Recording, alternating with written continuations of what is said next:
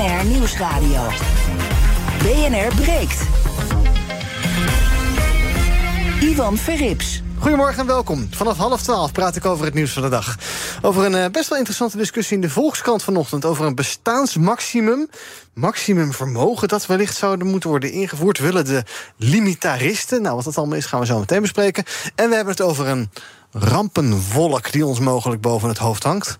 Volgens de GGD. Die willen vast meer geld. Gaan we zo bespreken in de tweede half uur. Met mijn twee panelleden. Vandaag Victor Pak, journalist bij EW. Goedemorgen. Goedemorgen. Goed dat je er bent. En Geert Noordzij, raadslid namens de PvdA in Amsterdam. Goedemorgen. Fijn om er te zijn. We gaan beginnen met...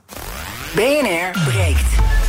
Breekijzer. Ja, ongekende cijfers vandaag. De CAO-lonen stegen vorig jaar met gemiddeld 3,2% ten opzichte van het jaar ervoor. Blijkt uit cijfers van het CBS. Dus de hoogste CAO-stijging in 14 jaar.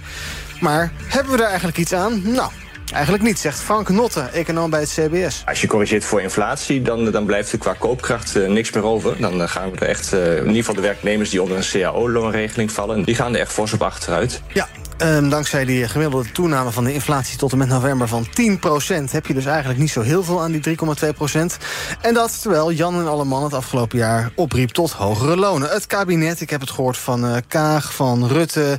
Uh, ik denk van Adriaansens, nou, van nog veel meer mensen. Uh, de Nederlandse Bank uiteraard, Klaas Knot en ook de vakbonden. Maar wat hebben die vakbonden eigenlijk bereikt het afgelopen jaar? Ons breekijzer is... de vakbonden hebben gefaald bij de CAO-onderhandelingen. Wat vind jij? 3,2 procent. Is dat iets om te vieren als je vakbond bent? Of denk je, mwah, mag wel wat meer de beuk in? 020 468 4 keer 0 is ons telefoonnummer.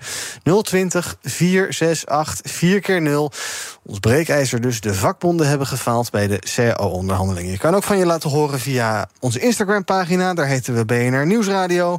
Ga dan naar de stories, kan je daar stemmen. Maar het leukste is even bellen. 020 468 4 keer 0 Zometeen hoor je hoe Geert en Victor erover denken. Maar ik begin bij Paul de Beer. Hij is bijzonder hoogleraar arbeidsverhoudingen aan de UvA. Goedemorgen, Paul. Goedemorgen. Vakbonden hebben gefaald bij de CAO-onderhandelingen. Zeg het maar. Ja, nou, dat lijkt me wat te sterk uitgedrukt. Mm -hmm. uh, los tot verrekening hebben ze wel de grootste loonstijging weten te realiseren van de afgelopen 14 jaar. En als je kijkt naar de meest recent afgesloten cao's, dan ligt dat nog een stuk hoger dan die 3,2. Uh, denk aan de Metelectro, waar 9% loonstijging is overeengekomen. Of de Nederlandse Spoorwegen, ook 9% loonstijging. Mm -hmm. Maar dat neemt niet weg dat ze wel flink aan de bak moeten. Want inderdaad, die 3,2 gemiddeld over het afgelopen jaar is natuurlijk veel te weinig inderdaad om de inflatie te compenseren. Ja. En uh, het is ook begrijpelijk en ook heel verstandig dat uh, de vakbonden voor uh, de komende cao's ook inzetten voor veel hogere loonstijgingen. Maar is het dan een beetje flauw om te kijken naar dat jaarcijfer 2022? Een beetje wel, omdat natuurlijk de inflatie uh, zo onverwacht en zo sterk is opgelopen. dat je bij de onderhandelingen aan het begin van het jaar. daar natuurlijk nog niet echt rekening mee uh, kon houden. Mm -hmm. uh, dus het is niet helemaal terecht denk ik om vakbonden daarop af te rekenen. En nogmaals, je ziet dat ze recent sterkere loonstijgingen weten te realiseren. Maar aan de andere kant, ik wil niet ontkennen. dat het natuurlijk gewoon vooralsnog niet lukt om de inflatie bij te houden. En de werknemers dus wel koopkrachtverlies leiden. Ja, ja en fors ook. Niet zo, niet zo, ja, want die 3%. Ja, ik, ja, ik, zal, ik, zal, ik, zou, ik zou bijna zeggen, het is leuk, maar je, je koopt er niks voor. Sterker nog, je koopt er minder nee, voor. Maar natuurlijk, voor een deel van die CO's geldt waarschijnlijk dat ze begin dit jaar weer opnieuw uh, onderhandeld uh, zullen worden. En dan kunnen natuurlijk weer uh, hogere loonstijgingen gerealiseerd worden, waardoor je weer een deel van het verlies kunt goedmaken. En aan de andere kant, we weten natuurlijk niet precies hoe lang hoe hoog deze inflatie blijft. Maar de verwachting is natuurlijk toch dat hij wel weer wat, weer gaat, wat gaat zakken. Ja. Dus dan ontstaat er toch weer iets meer ruimte om weer enig perspectief te bieden op koopkrachtherstel. Maar uh, daarvoor zullen de vakbonden echt uh, flink aan de bak moeten. Oké, nou wat ze dan moeten doen en hoe ze die grote woorden, want die hebben ze altijd en misschien terecht, maar hoe ze die in de daden beter kunnen omzetten, gaan we zo meteen bespreken. Rondje mijn panel, ik ben heel benieuwd hoe mijn panelleden erover denken. De vakbonden hebben gefaald bij de CAO-onderhandelingen. Victor, jij maar eerst eens. Ik ben het daar niet mee eens. Ik denk dat het goed is dat vakbonden niet proberen om het bedrijfsleven, ook in dit soort crisissituaties, volledig uit te kleden om die koopkracht maar te compenseren. Want anders kom je er straks op aan dat de bedrijven zelf gaan omvallen, mm -hmm. omdat ze al die andere lasten ook niet meer kunnen dragen. En dan komen mensen uiteindelijk werkloos thuis te zitten. Je hebt natuurlijk nu een koopkrachtverlies voor de werknemer. Maar, of voor, ja, voor de werknemer. Maar je, je gaat er natuurlijk naartoe dat, die, dat dat verlies hopelijk komend jaar en het jaar daarna wordt mm -hmm. goedgemaakt als die inflatie wat gaat zakken. Dat je een beetje inloopt. Ja, tuurlijk. En dat is hopelijk het, het, scenario waar we op afstevenen. De inflatie gaat zakken. Mhm. De energieprijzen, zeker in Europa, zijn flink aan het dalen. Nou, dan krijg je bij de komende CAO-onderhandelingen, maar ook waarschijnlijk die voor 2024 en daarna, dat de werknemer er nog steeds wat bij krijgt. Terwijl die inflatie al lang niet meer zo hoog is. Ja, maar jij zegt, ik vind het, je, moet, je moet die bedrijven niet uitkleden. Um, maar met dat soort woorden komen ze wel. Je hoort wel woorden als ja, het geld klotst tegen de plint. Het gaat allemaal naar de aandeelhouders. Het zijn allemaal asociale en, en toch zie je opvallend weinig stakingen. Terwijl uiteindelijk de vakbonden, de, de vakbonden worden zijn uiteindelijk, je bent daar lid van. Mhm. Dus dan kan je altijd nog je werk neerleggen. Als je echt vindt dat er niet naar je wordt geluisterd in die CAO-onderhandelingen. En dat gebeurt niet superveel, vind hm. ik. Nou ja, NS hebben we nog afgelopen jaar. Maar goed, laten we het zo met ja, Paul over hebben. Naar Frankrijk en, en, en de Britten is het veel. Daar in Groot-Brittannië lag het halve land plat rond kerst. Nee, absoluut. Oké, daar gaan we het zo met Paul nog wel even over hebben. Want ik heb wel het idee dat er wel meer gestaakt wordt dan normaal. Dat is ook logisch natuurlijk. Maar uh, laten we het er zo even over hebben. Eerst even naar Geert. Uh, de vakbonden hebben gefaald bij de CAO-onderhandelingen. Ja, nou, de vakbonden zijn natuurlijk gegaan voor de inflatiecorrectie. Uh, dat lijkt mij een hele terechte eis, maar dat is wel heel hoog gegrepen. En ik denk dat de vakbonden dat zelf ook wel verwachten. En dat is dus ook niet gelukt. Um, maar er zijn natuurlijk wel inderdaad zijn die lonen, die CAO-lonen omhoog gegaan. En dat is een eerste stap. Mm -hmm. Maar natuurlijk het doel, die inflatiecorrectie, die is nog niet gehaald. En dat is wel echt iets waar het komende jaar echt voor gestreden gaat moeten worden. Maar je ziet ook dat het uh, draagkracht, dat de draagkracht van de um, uh, vakbonden steeds groter worden. En dat is ook heel terecht, want mensen kunnen het gewoon niet meer redden. Mensen redden het einde van de maand niet meer.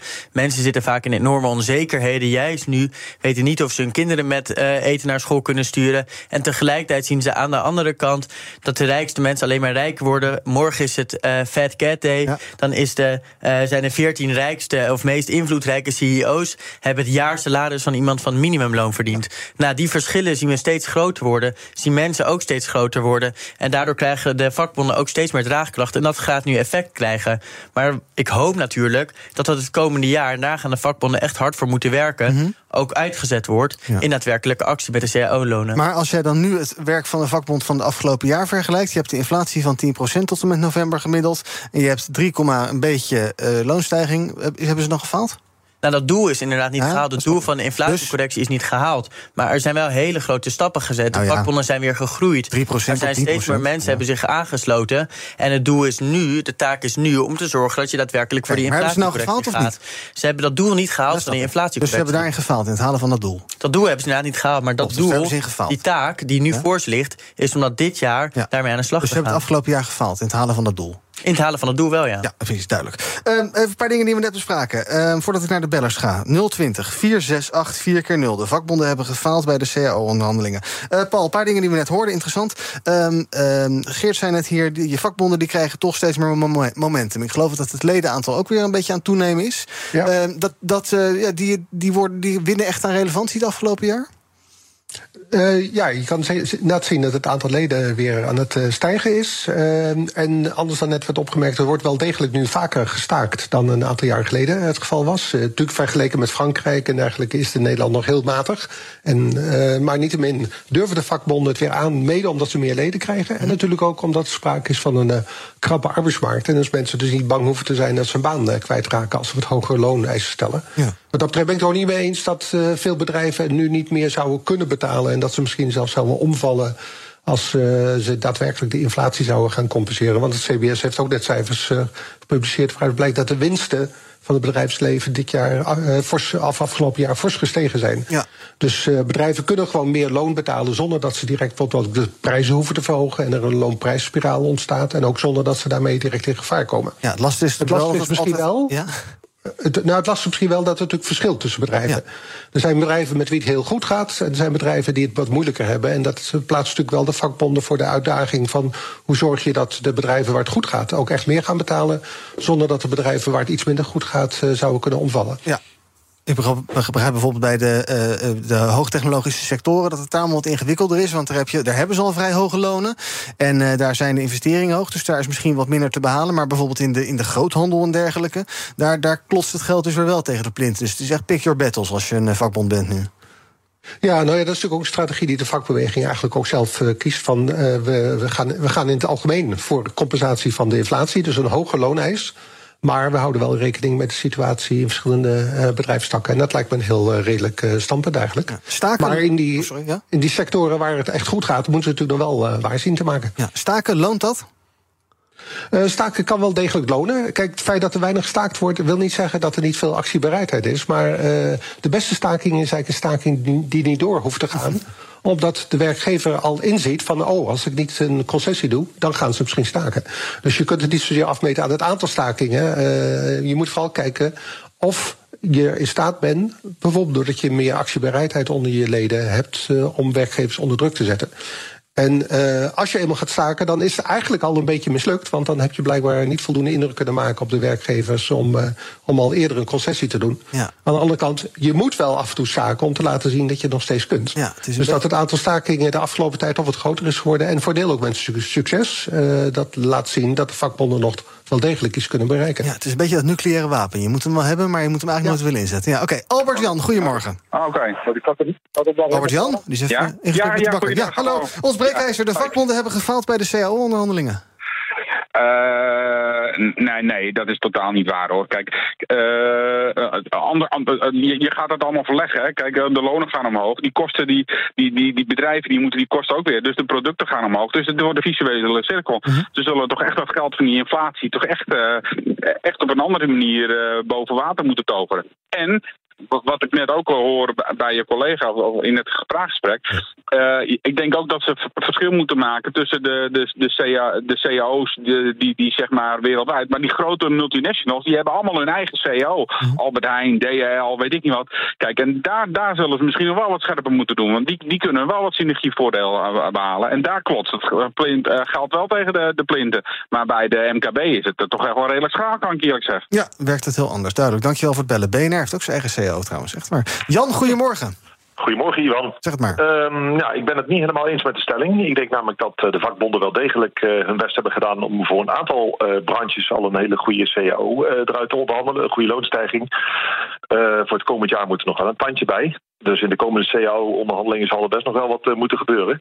En wat denk ik ook belangrijk is en wat ik een beetje mis, dat is dat de vakbonden zich wellicht wat meer moeten profileren op, uh, of wat meer moeten richten ook op, op jongere uh, werknemers. Uh, veel mensen die zien de vakbond toch een beetje als een ja, links ultra-socialistisch slagwapen, zeg maar. Ja. Um, en ik denk dat het goed is als de vakbond ook ja, uh, wat meer doelgroepen probeert aan te spreken. Bijvoorbeeld middels YouTube-video's of vanuit TikTok. Uh, ook, Ja. Ik zei het ook al hardop. Ja, echt In ieder geval, ja, om toch zichzelf wat meer te promoten en weer wat meer populair te maken. Want je hebt ook gewoon een bepaalde uh, vertegenwoordiging van een vakbond nodig. Ik geloof dat dat 20 of 25 procent is binnen een bedrijf. Voordat zo'n vakbond ook een gesprekspartner wordt voor een werkgever. Ja, nou zo zou eens aan eh, Paul, Paul de Beer vragen hoe hij erover denkt. Wat die, die eh, vakbonden moeten doen om uh, relevant te blijven ook. Alhoewel het dus nu de afgelopen tijd best wel aardig gaat. Maar dat het ook voor de lange termijn goed gaat. En tot slot van dit blokje even. Ja, Rob Quist, goedemorgen. Ja, goedemorgen met Rob Christenbeeld. Ja, ik denk dat de vakbonden een fout gemaakt hebben. Doordat ze te lang zijn blijven hangen in de modus van de akkoorden volwassenen... die destijds in de jaren 70 gesloten zijn. En met, met loonmatige, loonmatige, loonmatige... het angstverlies van werkgelegenheid heeft ertoe geleid... dat in de jaren 70 ging 30% van wat er verdiend was... ging naar factor kapitaal, 70% naar arbeid. En nu gaat er 8% naar kapitaal. En, uh, nu, het is, nu- en uh, dat is totaal uh, veran- veranderd. Ja. Daarnaast moeten we ook zeggen dat het ook eh, invloed is geweest... doordat de eh, eh, belastingen op arbeid... die zijn natuurlijk ook ontzettend omhoog gegaan. Speciaal tijdens de kabinet eh, Rutte. En dan denk ik speciaal aan Rutte 2... waarbij dus de hele financiële cri- cri- crisis van de banken... ja, dat is allemaal door belastingverhogingen... voornamelijk afge- afgewendeld op de werkende middenklasse. Dus er zijn twee factoren. Dus het is eigenlijk nog een wonder dat ze dit uit hebben weten te slepen. Nou ja, kijk, ze, ze moeten van strategie moeten ze, eh, moeten ze wat dat betreft gaan veranderen. Nu de knop moet om. Dank, Rob Quist uit de beeld. BNR breekt. Ivan Verrips. Moet er altijd even bij, hè? BNR Breaks met vandaag in mijn panel Geert Noordzij, raadslid namens de PvdA in Amsterdam. Victor Pax, journalist bij EW. En ook bij me is Paul de Beer. Hij is bijzonder hoogleraar arbeidsverhoudingen aan de Universiteit van Amsterdam. Um, Paul, interessante dingen die we zien. Ik zag onlangs een artikel in de Volkskrant, geloof ik. Dat ging dan over het uh, arbeidsinkomenquote. Nou, daar weet jij veel meer over dan ik. Dat er eigenlijk uh, steeds minder van wat bedrijven verdienen naar werknemers gaat en steeds meer naar aandeelhouders. En dat het ook nou, historisch, uh, uh, sinds de jaren 60 is dat het laagste pijl sinds de jaren 60. En uh, hoe, hoe komt dat? Dat, ja, dat het blijkbaar niet lukt om dat geld naar die werknemers te krijgen. Dat dat die vakpunten dus ook niet goed lukt. Maar dat dat dan gewoon naar de aandeelhouders stroomt. Ja, dat is inderdaad een trend die in de, of niet alleen in Nederland, veel landen ziet. Dat het aandeel van het nationaal inkomen wat naar de werknemers naar de factor arbeid gaat, afneemt. Het zegt natuurlijk iets over de veranderende machtsverhoudingen in de economie. Om het even klassiek te zeggen, eh, de factor kapitaal is gewoon sterker geworden en de factor arbeid is, is verzwakt. Dat hangt natuurlijk deels samen met het, uh, het ledenverlies uh, van vakbonden, waar nu misschien een keer ten goede zich voordoet. maar ook met andere ontwikkelingen, zoals de internationalisering van de economie, waardoor bedrijven natuurlijk toch makkelijker ja, de werknemers of de vakbonden onder druk kon zetten, kunnen zetten met het dreigement dat ze activiteiten bijvoorbeeld naar het buitenland verplaatsen. Mm -hmm. de financialisering van de economie, de toenemende belang van financieel kapitaal heeft daar waarschijnlijk ook toe bijgedragen.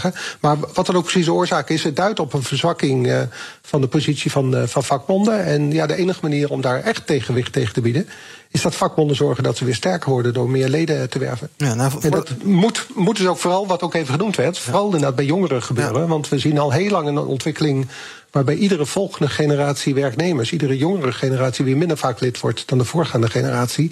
En als je niet aan, als jongere al lid wordt van de vakbond, dan word je meestal op oudere leeftijd ook geen lid meer.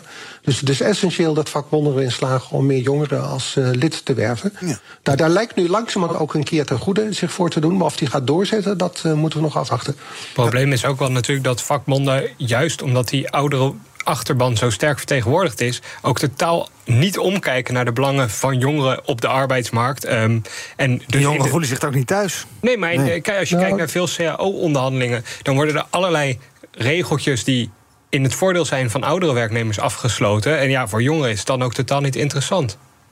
Dat zou ik er een beetje willen bestrijden. Want er zijn wel degelijk natuurlijk veel acties ondernomen de afgelopen jaren door de vakbonden. om juist ook de positie van jongeren te versterken. Ik denk maar aan acties om het minimumjeugdloon af te schaffen. zodat jongeren ook gewoon recht hebben op het volwassen minimumloon. En tegelijkertijd ook nog ervoor te pleiten om dat minimumloon te verhogen naar uh, van nu ongeveer 10 euro naar 14 euro per uur. Daar zouden jongeren zeker baat uh, bij hebben.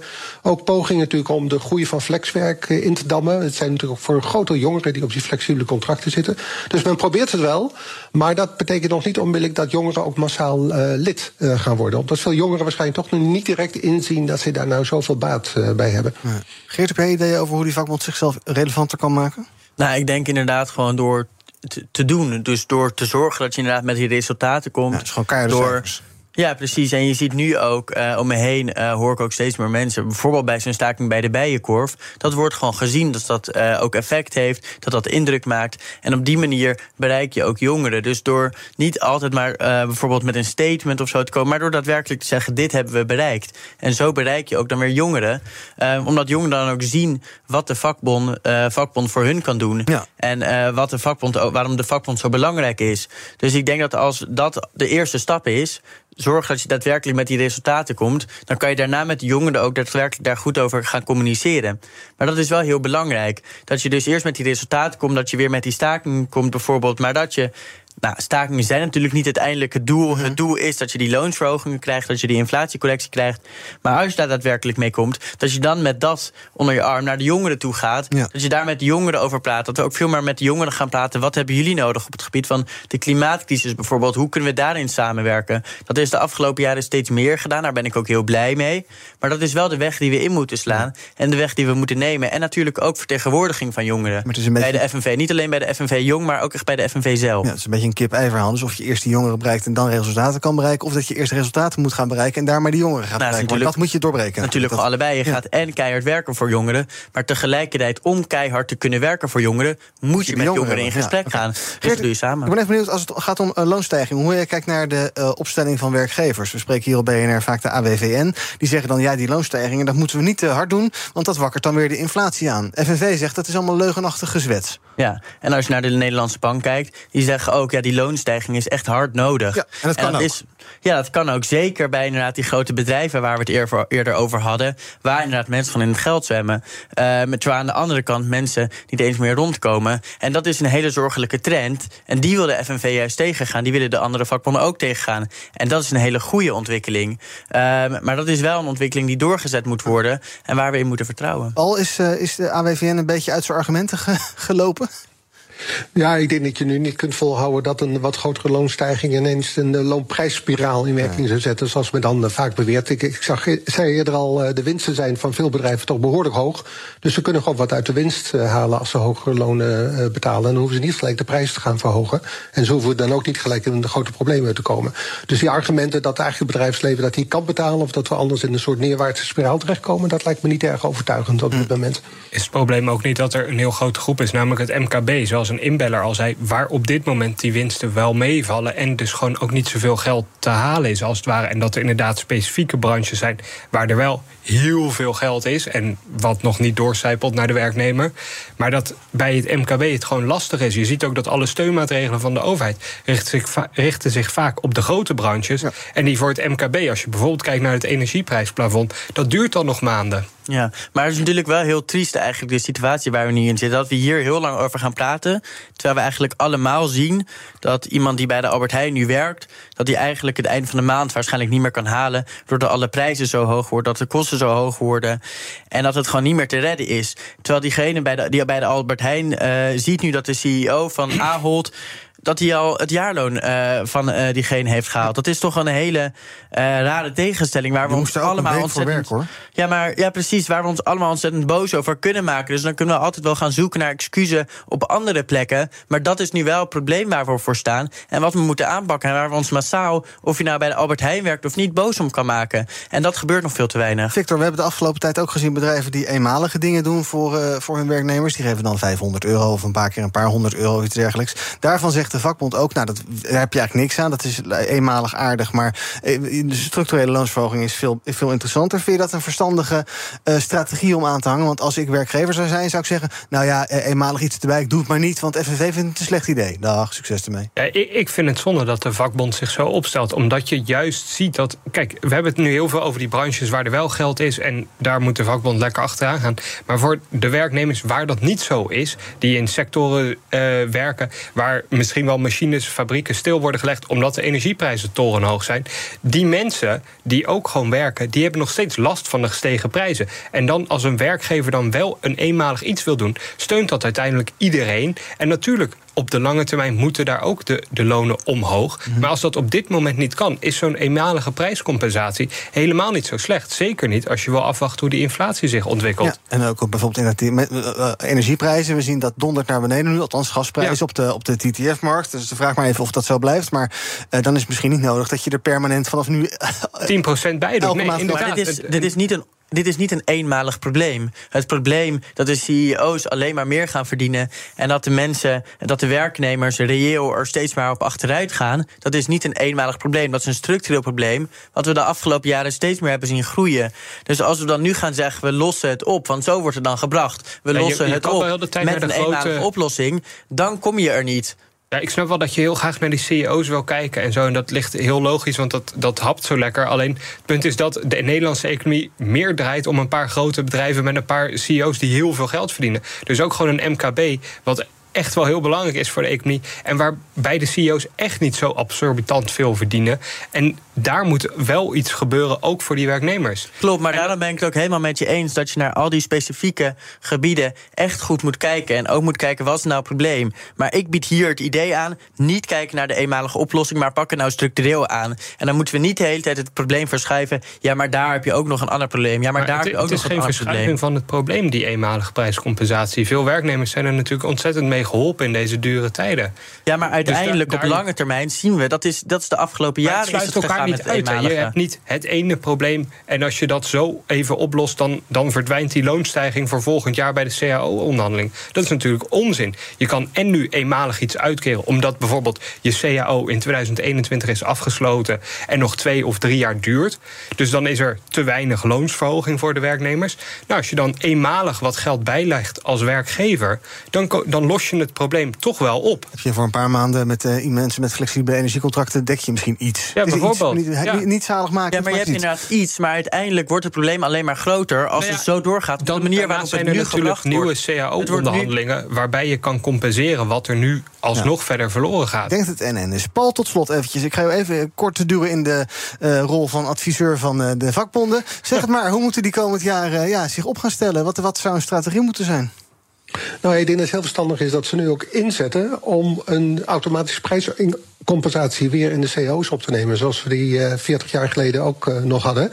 Het grote voordeel daarvan is natuurlijk dat als de inflatie oploopt, dat de lonen dan automatisch meestijgen. Zonder dat het hoeft te leiden tot een loonprijsspiraal. Want in principe volgen de lonen op, eh, op de prijzen. Eh, en daarmee zou je als vakbond eh, eigenlijk de handen vrij hebben om veel meer aandacht te besteden aan andere zaken die eigenlijk ook meer eh, aandacht behoeven, zoals de kwaliteit eh, van het werk en het overbruggen van de kloof tussen vast eh, en flex Ja. eh, contracten. Ehm, nou, dat is nu ook bij de FNV in ieder geval de officiële inzet, dat men die prijscompensatie terug wil krijgen. Het, het lastige is natuurlijk wel, dat is moeilijk nu te realiseren, want nu zien de werkgevers natuurlijk wat dat, dat enorme loonstijgingen gaat betekenen. Eh, terwijl als je dat een paar jaar geleden had gedaan, dan had je misschien meer kans op succes gehad. Maar ik denk dat dat op de lange termijn wel de beste oplossing is. Dat je eigenlijk zorgt dat de lonen toch eh, automatisch worden aangepast aan de prijsstijgingen. Paul de Beer, dank dat je bij ons was. Bijzonder hoogleraar arbeidsverhoudingen aan de UvA. Eh, ons breekijzer. De vakbonden hebben gefaald bij de CAO-onderhandelingen. Op onze Instagram-pagina, daar kan je nog de hele dag reageren. BNR Nieuwsradio in de stories. Het is daar nu 50-50 als het gaat om eens oneens. En het gekke is geloof ik dat dat gisteren en eergisteren ook al zo was... aan het einde van het half uur ongeveer. Was het 49-51 of iets dergelijks. Dus is dit nou een hele goede stelling... of zijn het allemaal waardeloze stellingen? Kan natuurlijk ook. Je wilt natuurlijk een beetje polariseren. Nou, ik weet het niet. Ehm, laat daar maar van je horen en verander dat eh, percentage nog maar als je wil. Instagram, BNR Nieuwsradio weten we daar. Zometeen ga ik verder praten met mijn twee panelleden... over een eh, interessant artikel in de Volkskrant vanochtend. Een pleidooi van een groep limitaristen. Ik kende ze nog niet, maar ze bestaan dus wel. Het zijn er niet zoveel, maar toch hebben zij een interessant idee. Ze pleiten voor een bestaansmaximum. Dus een maximum aan ja, welvaart en vermogen dat je kan opbouwen. En daarna gaan we het eh, verdelen onder andere mensen. Nou, ik ben heel benieuwd hoe mijn panel daarover denkt. Over een paar minuutjes in BNR Breekt. Bij BNR ben je altijd als eerste op de hoogte van het laatste nieuws. Luister dagelijks live via internet. Jelle Maasbach. Wesley Weert. We zijn er voor je met het leukste, opvallendste, maar natuurlijk ook het belangrijkste nieuws. Tijdens de presentatie van die halfjaarcijfers toen die beurskoers in elkaar kukkelde. BNR Beurs. Voor de slimme belegger. Blijf scherp en mis niets. Blijf scherp. BNR Nieuwsradio. BNR breekt. Ivan Verrips. Welkom terug in mijn panel vandaag. Geert Noordzij, raadslid namens de PvdA in Amsterdam. En Victor Pak, journalist bij EW. Zijn jullie er nog uitgekomen tijdens het nieuws over dit hele onderwerp? Want jullie discussiëren nog heftig door, maar... Nee. Nee, je gaat er niet uitkomen. Nee, oké. Laten we het over andere dingen hebben. Dan eh, kan je de uitzending verder gaan praten over dit blijkbaar nogal polariserend onderwerp. Ehm, eh, interessant artikel in de Volkskrant vanochtend. Een oproep van een groep limitaristen. Die zeggen er moet een bestaansmaximum komen. De inkomens, eigenlijk vooral de vermogensongelijkheid is eh, in dit land volgens die groep veel te groot. En eh, ja, een miljoentje extra op een toch al miljoenenvermogen dat, dat je niet op kan maken, dat maakt dan geen verschil meer. En dus zeggen zij, ja, dat moet eigenlijk wat eerlijker. Er moet een soort cap komen aan wat je mag bezitten, of wat je misschien mag verdienen en bezitten, of een beetje bij elkaar eh, eh, mag hebben. En dat maakt dan een stuk gelukkiger. Dan kunnen we dat gaan herverdelen. We zijn, sommige mensen zijn te rijk en dus moet geld herverdeeld worden. Ik, heb, ik denk dat je het gelezen hebt, het stuk. Victor, wat Ja. vond je ervan? Nou, mooi, mooi nieuw communistisch manifest, denk ik. Oké, ehm, kan dat op jouw interesse rekenen? Nee, niet, niet echt op de mijne. Ik denk dat het niet helemaal past in een vrije liberale samenleving. Ik denk dat het. Er wordt, er wordt de vergelijking gemaakt met het bestaansminimum wat we natuurlijk hebben. En wat heel goed is, dat houdt mensen uit de armoede. Maar om een soort. En dan via een onderzoek vastgesteld bestaansmaximum van 2,2 miljoen ongeveer zou het moeten zijn. Vast te stellen lijkt mij. ehm, overbodig of onzinnig als het ware. Ik denk wel dat het belangrijk is wat je ziet, die scheefgroei. Want daar, dat is wat ze inherent stoort. De scheefgroei tussen wat je kan verdienen met gewoon werken... en wat je kan verdienen met vermogen, dus met beleggen of huizenbezit, noem maar op. Dat dat steeds meer uit elkaar groeit. Dat lijkt mij een heel logisch en zorgelijk argument. En dat zijn dingen die je via belastingen gaan aanpakken. Dat denk ik ook. En dat gebeurt nu te weinig. Het is alleen, we moeten niet denken dat een vermogensbelasting, hoe hoog die ook is, alles kan goedmaken wat er met de arbeidsbelasting wordt verdiend in Nederland. Dat zijn zulke verschillende bedragen. Dat gaat om vele miljarden. Je kan dat niet één op één compenseren met elkaar. Vind je het een interessant idee, Geert? Nou, ik begrijp wel waar het vandaan komt. Dat komt inderdaad heel erg van die irritatie en woede. En die voel ik ook van die scheef, scheefgroei die je steeds meer ziet. En dat er gewoon. ehm, en ik denk ook dat het eigenlijk inderdaad de kern ligt bij de mensen. ehm, die eh, nu niet rond kunnen komen. En die het nu niet meer redden. Ehm, en dat, dat, dat die groep steeds groter wordt en steeds zwaarder krijgt. Terwijl we aan de andere kant inderdaad ook een steeds grotere groep zien. die een zak met geld steeds zwaarder zien worden. En dat is gewoon een hele eh, rare. Ehm, eh, een raar verschil dat je eh, ziet groeien. Geld maakt geld. Ehm, ja, precies. En dat is gewoon het probleem eh, waar we mee zitten. En wat gewoon niet aan wordt gepakt, gewoon. Ehm, en dat is heel zorgelijk. En dan wordt er zo'n voorstel wordt er opgeschreven. Ik snap waar het vandaan komt ook. Ik denk ook dat het heel goed is om de extreme rijken, die multimiljonairs, miljardairs, echt harder te gaan belasten. Dat lijkt me alleen maar logisch, zeker als sociaaldemocraat. Maar dat is wel iets waar het lef ook voor nodig is. En dat is er gewoon op dit moment niet. Ehm, en dat is wel de eerste stap waar we mee moeten Oké, maar en zou een volgende stap dan zo'n bestaansmaximum kunnen zijn? Of denk je, je dat, gaat dat te ver? Ja, het idee is natuurlijk eh, van het hele bestaansmaximum dat je die ongelijkheid teruggedringt. En dat vind ik heel goed. Dus je bent dat er voorstander van? Nee, ik ben voorstander van zorgen dat je die extreem rijken veel zwaarder gaat belasten.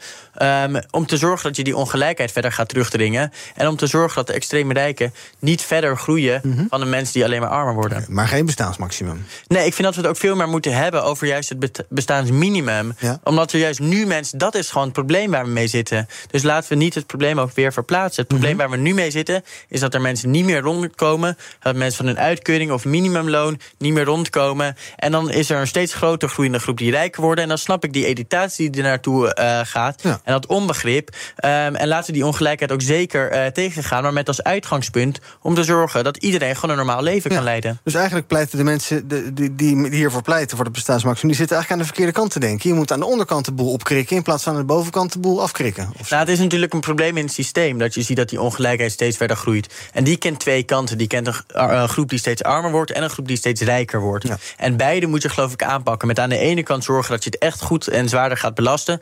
Maar aan de andere kant, en dat is het uitgangspunt, zorg dat die mensen die nu niet rondkomen gewoon een normaal leven kunnen leiden. Dat is niet zo heel gek, Raar. geloof ik. Nee, dat lijkt me ook niet. Ehm, eh, en wat is het trouwens, is er iets mis, eh, Victor, wat jou betreft met puissant rijk zijn? Als je, Als je het- als je als je- v- 50 huizen hebt die lekker voor de hoofdprijs verhuurt, eh, daar eh, veel geld mee verdient en ook met geld lekker veel geld verdient en daar lekker, lekker tientallen miljoenen mee binnenharkt. Is er iets mis Daar is mee? niks mis mee als je die mensen in dat huurhuis niet volledig uitkleedt. Als je die huurwoning netjes onderhoudt, dan, dan maakt dat mij verder niks uit. Als het maar op een eerlijke manier wordt verdiend. En als je in Nederland netjes je belastingen betaalt. En het niet allemaal verscheept naar de Maagdeilanden of weet ik veel waar. Ja. Maar Geert, jij zegt dus eigenlijk... we moeten vooral kijken naar die onderkant. En ja, die bovenkant, daar kan je dingen van afschrapen natuurlijk. Maar, Ja, nou, eh, en ik geloof in dit voorbeeld wat je geeft, woningen zijn er niet om winst te maken. En dit is precies het probleem, dat dat hier gewoon gaat gebeuren. En dat het hier gebeurt. En dat, dat is gewoon de oorzaak van die scheefgroei onder andere. En dat is gewoon het probleem. Dus als we hiervan ook gaan wegkijken, dan kijken we eigenlijk weg van de hele oorzaak van het probleem. Want het symptoom, het resultaat dat je gaat zien van dat de rijken alleen maar rijker worden door die woningen alleen maar te verder ver- eh, te gaan verhuren, is dat de mensen met minder geld steeds minder geld gaan krijgen. En mensen met veel geld steeds meer geld gaan krijgen. Dus dan moeten we niet daarvan wegkijken. En dat vind ik nu wel zorgelijk. Dat dat een soort van niet als onderdeel van het hele probleem wordt gezien. Terwijl dat wel juist het onderdeel is. Het is juist de reden dat er zo'n grote scheefgroei is is dat die rijke mensen dat verder kunnen verhuren, dat die in aandelen kunnen stoppen, dat die kunnen gaan beleggen en tegelijkertijd ook niet eens die belasting betalen. Dat is zo zorgelijk. Oké, dus het probleem zit toch ook wel weer aan de bovenkant. Nou ja, ik uh, zit zelf voorlopig nog niet tegen de 2,2 miljoen aan. Ik weet niet of dat bij jullie zo het geval is. Zeker niet. Zeker niet. Nee, het kan nog wel een paar keer de, over de kop voordat we daar zijn. Dus nou, oké, gelukkig maar. Um, ander nieuws van vandaag in Trouw. Nederland, ons land dus, is niet goed voorbereid op een uh, volgende ramp of crisis vinden uh, de GGD-directeur Ton Koenen en voorzitter van GGD Goor Nederland, André Rauwvoet. Zij spreken zich uit over bijvoorbeeld een atoomramp of een mogelijke gifwolk. Nou was GGD natuurlijk de afgelopen jaren onlosmakelijk verbonden met corona. Daar hebben we Rauwvoet ook heel vaak over gehoord. Er moest geld bij, er moest meer aandacht voor zijn. We moesten niet te snel afschalen, enzovoort, enzovoort. En nu waarschuwen zij, ja, een volgende gezondheidscrisis... kan wel iets totaal anders zijn dan waar het kabinet nu rekening mee houdt. Ja, ik kijk even uit het raam, maar ik zie hier nog geen gifwolk opstijgen. Dus dat lijkt mee te vallen. Um, is dit een uh, zinnige uh, oproep, uh, Victor, van, van, van Rauwvoet en Koenen? Want uiteindelijk kan je natuurlijk zeggen, zij willen er gewoon geld bij. Ja. Het is een lobbyverhaal. Dat, dat, zo, zo las ik het ook. En dat is het ook. Ik denk wel dat de kern van wat ze zeggen, dat dat klopt. Het, het punt is denk ik dat we met corona hebben gezien dat de GGD eigenlijk heel inflexibel is. Mm -hmm. Het duurde vaak hier langer dan in andere landen voordat prikcampagnes goed en wel op stoom waren. En ik denk dat je vooral als ze extra geld willen, dat je dat moet steken in een flexibele organisatie die op al die fronten, die meerdere crisis die zij beschrijven, die, die, dat kan bestrijden. Want je weet inderdaad niet wat er over een jaar of over een half jaar zomaar kan gebeuren in Nederland. Ja, dus dan is het ook wel verstandig misschien om dat een beetje bij die gemeente weg te halen. Want nu is ja, de GGD het is een decentraal ding met een soort overkoepelende tak. Maar ja, misschien moet je dat wel heel anders nou ja, inrichten. Je, je, je zag soms de verschillen in prikcampagnes. Dat in de ene uh, GGD-afdeling wel al de prikjes open stonden voor iedereen en bij de andere nog niet. Dat zorgt dan weer voor verkeer onderling in Nederland. Ik denk inderdaad dat je dat het niet per se zo uh, gedecentraliseerd hoeft te zijn. Um, ik denk ook nog terug aan de tijd dat er veel kritiek was op de GGD. Er waren niet genoeg mensen om, om te prikken. Die callcenters waren overbelast. Ja. Als je dat door zou trekken, die kritiek, en je zou nu zeggen... oké, okay, daar hebben we iets mee gedaan... dan zou eigenlijk nu het hele land vol moeten zitten... met mensen die in tenten zitten te wachten tot de volgende variant komt... en mensen die achter de telefoon zitten... omdat mensen weer een zoveelste booster gaan halen... terwijl er niets gebeurt. Dat is ook toch niet wenselijk? Nee, ja, het punt is dat het dus geen grote organisatie hoeft te zijn. Het moet een flexibele zijn. Die weet hoe het snel aan personeel moest, moet komen... en het zo weet in te zetten dat een crisis efficiënt wordt bestreden. Een gifwolk zal een heel andere bestrijding zijn dan een atoomramp die ja. ze schetsen. Of dan een vogelgriepvariant die opeens voor mensen schadelijk is. Maak jij zorgen, Geert, op, uh, om uh, ja, ramp en uh, ontij? Nou, ze hadden in dit stuk heel veel inderdaad verschillende dingen te ja. vertellen. Uh, maar net de kern, ik geloof de essentie van het stuk was inderdaad dat het gaat om uh, wie heeft nou verantwoordelijkheid en uh, wat doen we bij een grote crisis op het gebied van gezondheid. En dat dat iets is wat inderdaad bij corona ook volgens hun echt niet goed ging. En dat dat iets is waar we ook mee aan de slag moeten om te zorgen dat je nou gaat kijken, oké, okay, wat doen we bij een crisis? En daar is inderdaad die flexibiliteit ontzettend belangrijk voor. Um, en daar is het gewoon belangrijk voor dat je naar kijkt waar ligt de verantwoordelijkheid. Mm -hmm. De ministeriële verantwoordelijkheid heb je natuurlijk natuurlijk. Um, en hoe gaat die in contact met de GGD? Welke rol krijgt de GGD erin? Welke kennis heeft de GGD in? Welke protocollen heb je uh, klaar liggen? Want ze beschreven ook verschillende dingen die ook daadwerkelijk dreigend zijn. Nou, verschillende griepepidemieën bijvoorbeeld. Maar um, dat zijn wel uh, dingen inderdaad waar naar gekeken moet worden. Ja. Dat je je voorbereidt op een crisis. Want het gaat uiteindelijk, een probleem wordt pas een crisis als je het zover laat komen. Ja. En we laten het zover komen als je geen plan hebt klaar liggen. Maar heb jij het idee dat dat nu op orde is? Stel die uh, gifwolk komt eraan. Is dan gelijk duidelijk wat is de verantwoordelijkheid van de GGD? Wat is bijvoorbeeld de verantwoordelijkheid van een gemeente? Wat is de verantwoordelijkheid van, nou, je zal het RIVM daarin hebben. De je veiligheidsregio. Zal, je, je zal de veiligheid, oh god, ja, de veiligheid. De burgemeesters met het veiligheidsberaad. dat is niet meer, dat is niet meer uh, Bruls, maar dat is tegenwoordig uh, Wouter Kolf, geloof ik. Nou ja, uh, is jou duidelijk van wat er dan moet gebeuren? Nou, als ik dit stuk zo lees, niet. Nee. Nee, en dat is geloof ik ook precies het probleem wat ze aankaarten. Um, als er een crisis gaat komen, en welke crisis het dan ook is, dat er meer duidelijkheid moet zijn. En dat is wel echt een hele duidelijke opdracht die gegeven moet zijn, waar geloof ik wel echt mee aan de slag kan gaan. Ja, Victor Geert zei het, er wordt heel veel uh, voorbeelden genoemd in het stuk. Inderdaad, die, die gifwolk en die atoomrampen en ook uh, zoonose, hè, de virus dat van uh, dieren over kan slaan op mensen via bijvoorbeeld de intensieve veehouderij. Is dat iets, wat baart jou de meeste zorgen? Zijn dat die zoonoses misschien? We hebben die vogelgriep wat al tijden een probleem is. Ja, ik of denk ik, jij, nou, ik, die gifwolk, het zal mijn tijd wel duren? Een beetje dat laatste. Ja. En ja, ik denk inderdaad wel met die vogelgriep... dat dat iets is om heel waakzaam om te, op te zijn. Maar het ja. komt omdat we allemaal uit die coronastuip komen. Ja, Oké, nou eh, laten we hopen dat ze zich goed voorbereid hebben voor uh, mocht het fout gaan. Nou, laten we hopen dat het niet fout gaat, maar dat we dan niet dezelfde fouten maken als daarvoor of zoiets. Ja. Bij BNR ben je altijd als eerste op de hoogte van het laatste nieuws. Luister dagelijks live via internet. Jelle Maasbach, Wesley Weert. We zijn er voor je met het leukste, opvallendste, maar natuurlijk ook het belangrijkste nieuws. Tijdens de presentatie van die halfjaarcijfers toen die beurskoers in elkaar kukkelde. BNR Beurs. Voor de slimme belegger. Blijf scherp en mis niets. BNR breekt. Gaan we kijken naar het nieuws wat uh, jullie opviel uh, in de media. Um, Victor, jij wil het hebben over uh, de chaos in het Huis van Afgevaardigden in Amerika. Ze moeten daar een nieuwe voorzitter kiezen. Want Nancy Pelosi, die, nou ja, überhaupt, ze ging al niet door. Maar de Democraten hebben ook de meerderheid niet meer. Na twee dagen en zes stemrondes is er nog steeds geen nieuwe voorzitter. Luister even mee naar David Hammelburg, onze Amerika-correspondent, die uitlegt. Waardoor het ja, voor de kandidaat met de beste papieren, Kevin McCarthy, toch niet bepaald van een leien dakje gaat. 20 tegenstanders willen simpelweg geen Kevin McCarthy. Zonder dat het echt duidelijk is geworden wat ze nu precies tegen hem hebben. Want het is per slotte een, zelf een Trumpist. Maar hij heeft in het verleden wel een aantal deals gedaan met Democraten. Dus wordt hij binnen die 20 waarschijnlijk een beetje beschouwd als een soort landverrader. En als het lukt om een nieuwe kandidaat te vinden, stemmen ze misschien hem ook weg. Ja, ik heb een paar van die, van die stemmingen bekeken. Het is een heerlijke soap. En ik heb het idee dat per keer meneer McCarthy er een kras op zijn gezicht bij krijgt. Ja, dat is het ook, ja. ik vind het fascinerend. Het is inderdaad heerlijk om te, om te kijken. Vooral omdat het iedere keer, al zes keer, op dezelfde manier ja, misgaat. Al die, en al die namen worden dan genoemd. En Alle 434 namen worden opgelezen. En iedere keer eindigt de stemming nagenoeg gelijk. En is er dus dat groepje van 20 republikeinen dat McCarthy's... Ja, voordracht tot, tot uh, voorzitter van het Huis van Afgevaardigden blokkeert. Mm -hmm. ja, en die, die geven echt geen, geen schot. Nee, en dus hoe gaat dit aflopen? In het verleden, nou, het verre verleden, is het geloof ik wel eens uh, tot enkele tientallen stemrondes gekomen. Het heeft een keer echt twee maanden geduurd. Ja. En dat was in 1855, exact. dus dat is dus, nou ja, best wel lang geleden. Um, en nu is het ook een, een gebed zonder eind, als het ware. Want McCarthy zegt, ja, ik, ga, ik, ga, ik blijf me kandideren. Ja. En die twintig die, die komen vanzelf alweer, die sluiten zich wel weer bij mij aan. En die twintig zeggen echt, no way, Kevin. Ja, ja en uh, oud-president Donald Trump heeft gisteren actief gelobbyd voor McCarthy. Heeft die twintig gebeld, gezegd, joh, mijn Kevin, zo noemt hij McCarthy, mm -hmm. die, die hoort die functie te gaan bekleden. Dus kom op nou, schaar je, achter, schaar je bij onze beweging, die van Trump en McCarthy, ja. en stem voor hem. Ja, maar heeft, die dat, 20... heeft dat zin gehad? Nee, dat heeft dus nee. geen zin gehad. Dus ja, eigenlijk waar je naartoe gaat, en dan vraag ik me dus af hoe lang Kevin McCarthy het nog volhoudt om iedere keer maar weer zo'n nederlaag te leiden. Ja, tot die Republikeinen denken, nou, we, gaan, we moeten een alternatief gaan ja. vinden. En maar zijn er alternatieven?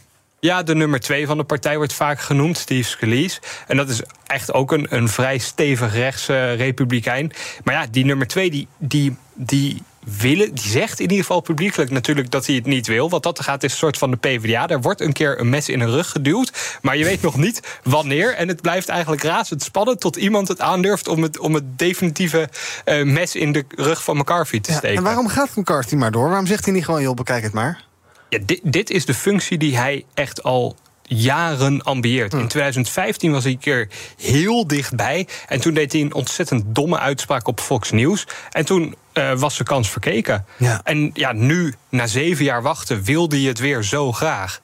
Maar ik denk niet dat het hem gaat worden. Nee, het hilarische is ook dat in de stemmingen nu... Uh, de uh, democratische kandidaat meer stemmen heeft dan McCarthy. Ja, maar goed, dat, uh, ja, dat komt omdat de democraten... tot wel ieders le leedvermaak wel verenigd zijn. Ja. En die, ja, die, die zitten dan in die bankjes, die lachen zich echt helemaal kapot ja, daar...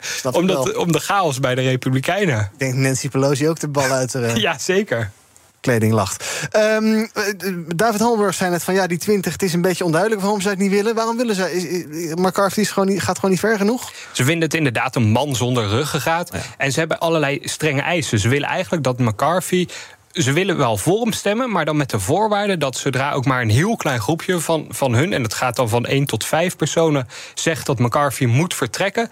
En dan moet hij ook. Of, en dan komt moet er een stemming worden, ja. over zijn vertrek. Nou ja, als je als Kevin McCarthy daarmee instemt, dan ben je bij voorbaat. heb je echt, echt al geen enkele macht meer. Want dan kan dus iedere keer zo'n klein groepje. Ja. terwijl je weet dat je al twintig tegenstanders hebt. je direct wegsturen. Ja, ja dat, dat gaat hem gewoon niet worden. Ja, dan kan een kwart procent van het Huis van Afgevaardigden kan ervoor zorgen dat er een stemming over je toekomst komt. Um, Oké, okay, hoe gaat dit aflopen en hoe, lang, hoe gaat dit duren, denk jij?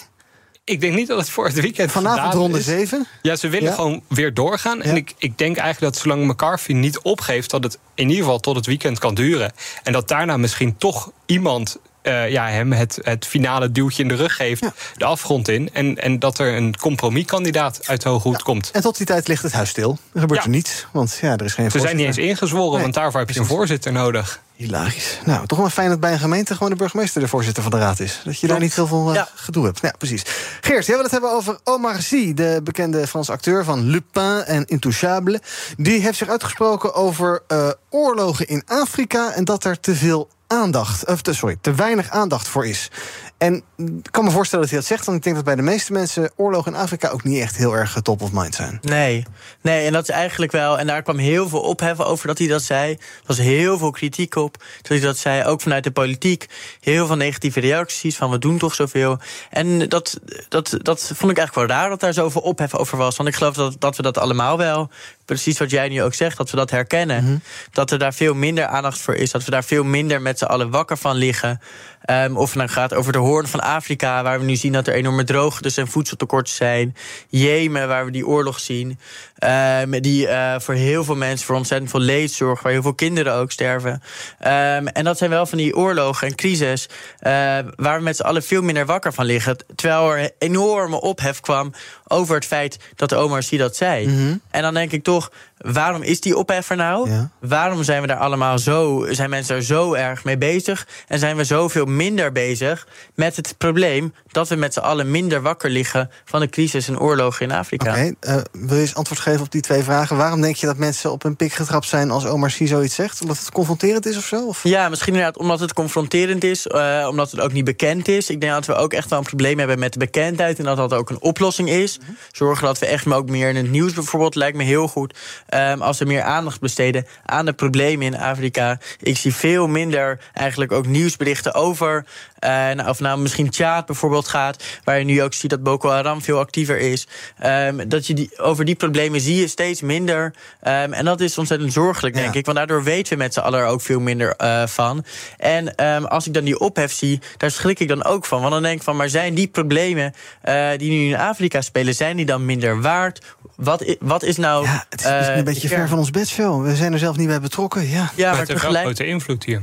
Bijvoorbeeld met migratiestromen. Ja, maar het, is, het heeft niet alleen hier een grote invloed. Het heeft vooral daar op mensen een enorme in- grote invloed. Dat er gewoon ontzettend, dat er tienduizenden kinderen zijn die sterven van oorlog en geweld daar. En dat we met z'n allen er niet van wakker liggen, omdat het maar een ver van ons bedshow is, zeggen we dan. Ja, dat vind ik toch niet pas bij ons. Dan denk ik toch, maar waarom is dat zo? En eh, dat vind ik wel zorgelijk. En daar denk ik dat we echt wel met z'n allen wat meer aandacht voor mogen hebben. Niet alleen zeggen van, ja, en inderdaad, wij hebben hier ook op het gebied van migratie eh, effecten, zien we ervan of zo. Nee, het is daar een ongelooflijk groot leed, wat voor ongelooflijk veel mensen eh, is. Daar mogen we met z'n allen wat meer wakker van liggen. Ik denk ook meer van weten. Ehm, en als iemand dan zoiets zegt, zoiets misschien confronterends, dan moeten we misschien niet daar allemaal ophef maken over wat hij zegt, maar bij onszelf gaan kijken ook. Hoe komt het nou dat we daar met z'n allen veel minder wakker van liggen? Voor wie is daar een taak weggelegd om daar meer eh, aandacht aan te besteden? Want je kan niet verwachten dat ieder individu eh, morgen bij wijze van spreken heel Afrika gaat doorvliegen om te kijken waar het mis is. Dus ja, voor wie is daar dan een taak Natuurlijk niet, maar het eerste, het eerste, denk ik, de eerste aanpak is denk ik wel dat we met z'n allen wat meer bekendheid creëren over die problemen eh, die hier zijn. Want als ik nou iemand op straat vraag, weet je wat er aan de hand is in Jemen, dan weten heel veel mensen dat niet. Terwijl het wel hele ehm, heftige conflicten zijn die daar spelen met hele heftige gevolgen. En dat is denk ik wel een eerste aanpak. Dat we het bespreekbaarder maken, dat we ehm, ook zien wat de gevolgen zijn van die problemen en dat we er niet van wegkijken. Ja, maar wie moet dat dan doen? Nou, daar zijn verschillende podia voor. Bijvoorbeeld in de politiek is een belangrijk eh, plek ervoor. Maar ook denk ik dat we in de media het meer eh, beeldend kunnen maken. Ehm, en eh, met elkaar het erover kunnen hebben. Net zoals we ook met elkaar over Oekraïne hebben. Hoe heftig we dat vinden. En dat is ook goed dat we het daarover hebben met z'n allen. Kunnen we het ook over die andere crisis hebben. Omdat die ook heel heftig zijn. Omdat het ook goed is om bewust zijn van de wereld om ons heen. Ja, ze zijn niet trending op de socials, zie ik net. Nee, klopt. En dat is dus ook onderdeel van het probleem. Wat dan wel trending is, hoor je nu.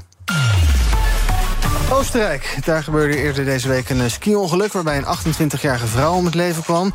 Ze brak door een vangnet heen nadat ze van de piste afgleed. De justitie in Oostenrijk onderzoekt dat voorval nu. Mogelijk dood door schuld. Door uh, de nalatigheid van de beheerder van de piste. En er zijn er meerdere mensen die hebben ernstige ongelukken gehad. Ja, de paus is trending. Paus Benedictus die overleed afgelopen zaterdag op 95-jarige leeftijd. Vanochtend was de begrafenis die begeleid werd door de huidige paus Franciscus. Ja,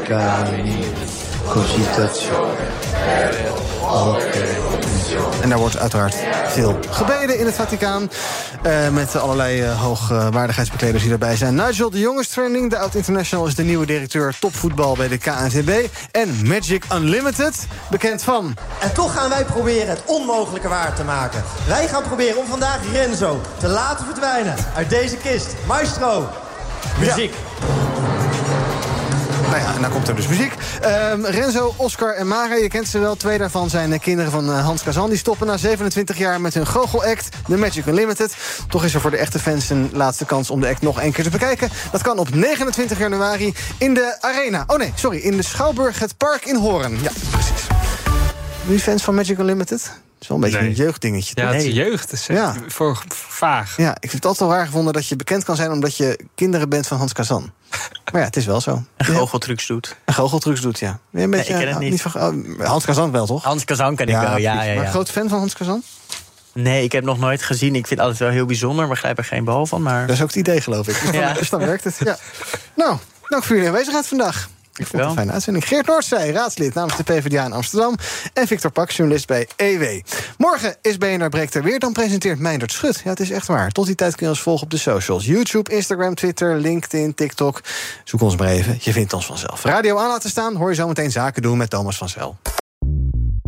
Bij BNR ben je altijd als eerste op de hoogte van het laatste nieuws. Luister dagelijks live via internet. Jelle Maasbach, Wesley Weert. We zijn er voor je met het leukste, opvallendste, maar natuurlijk ook het belangrijkste nieuws. Tijdens de presentatie van die halfjaarcijfers toen die beurskoers in elkaar kukkelde. BNR Beurs. Voor de slimme belegger. Blijf scherp en mis niets.